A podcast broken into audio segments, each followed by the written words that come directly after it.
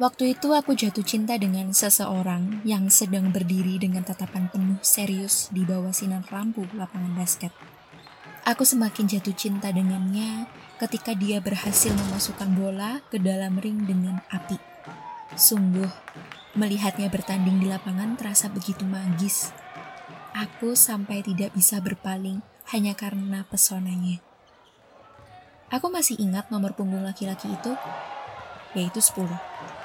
Nomor itu bertengger indah di punggungnya yang bidang. Nomor punggung itu tidak akan pernah aku lupakan setiap kali menonton pertandingan basket karena hanya dia yang paling aku tunggu-tunggu kehadirannya.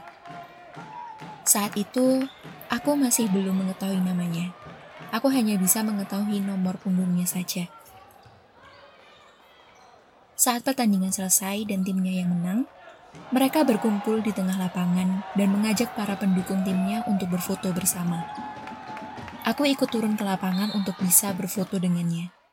Namun, langkahku terhenti ketika mengetahui bahwa ternyata banyak banget fansnya.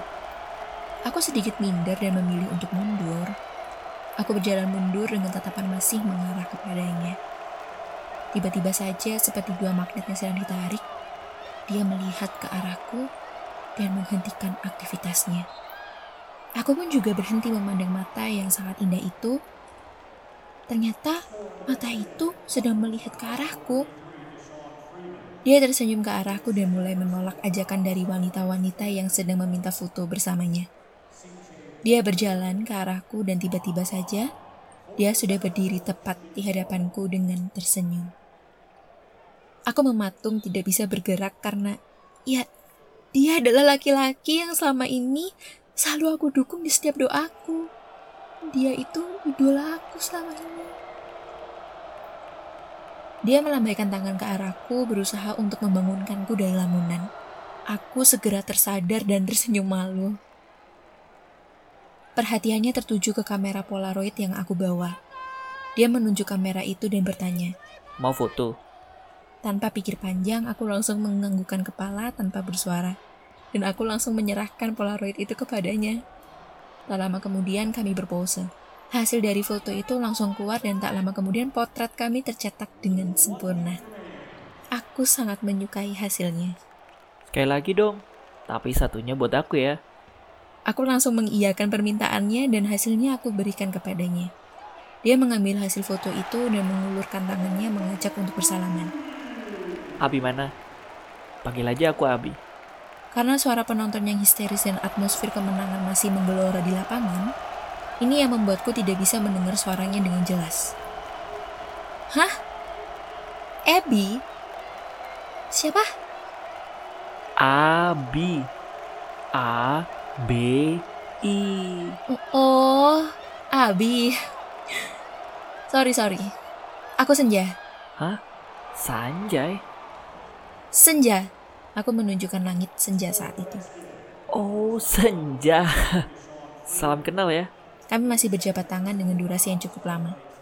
Jabatan tangan itu harus segera putus karena dia dipanggil oleh pelatihnya. Sebelum dia berpaling dari hadapanku, dia melambaikan tangannya kepadaku sebagai pertanda bahwa kita akan bertemu lagi.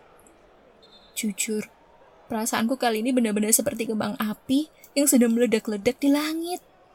Aku langsung berlari menuju mobil dan bergegas untuk pulang ke rumah.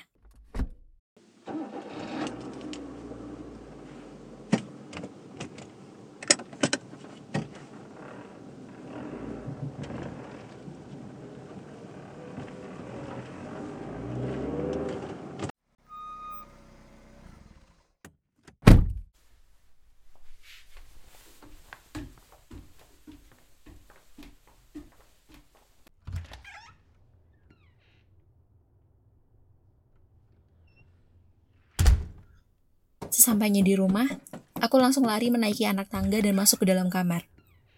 Sesegera mungkin aku meletakkan hasil foto Polaroid itu ke dalam scrapbook yang isinya adalah semua tentang dia.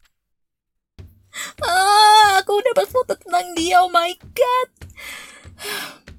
Aku bercingkrak-cingkrak senang sampai lupa bahwa di bawah kamarku mungkin sedang ada seseorang yang berdiri di sana. Maaf ya. Aku langsung merebahkan tubuhku dan mencari kontak yang ingin aku hubungi saat ini. Setelah menemukannya, segera aku menekan tombol call dan terdengar nada memanggil.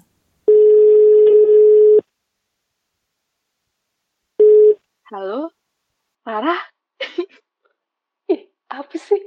Telepon-telepon, ketawa-ketawa. Kenapa, kenapa? Rah, aku dapat fotonya Rah. Oh my god. Eh, eh, wait, wait. Foto si nomor 10 itu. Iya, oh my god, oh my god, oh my god. Kamu tahu bukan cuma fotonya aja Rah, aku dapatnya itu.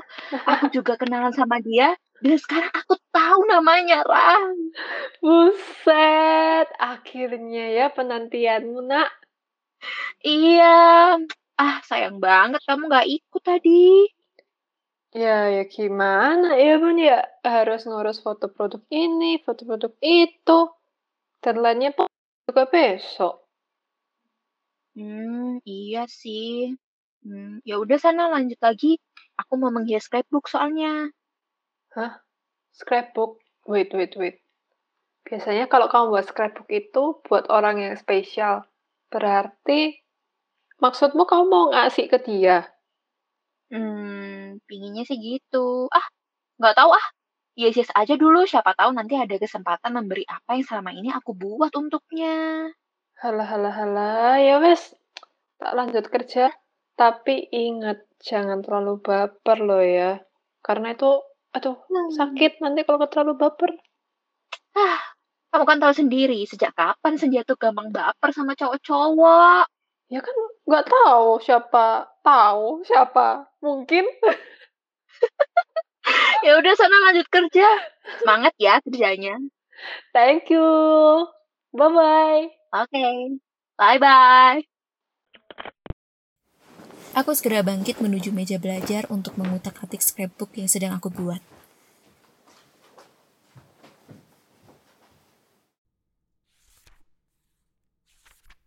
Sebelumnya, aku buka dulu halaman per halaman dan memandangi laki-laki bernomor punggung 10 itu. Dulu saat aku belum tahu namanya, aku selalu memberi tanda tanya di setiap halaman. Hal itu menggambarkan keingintahuanku tentang laki-laki itu. Cuma kali ini berbeda. Karena sekarang aku sudah mengetahui namanya, yaitu Abimana.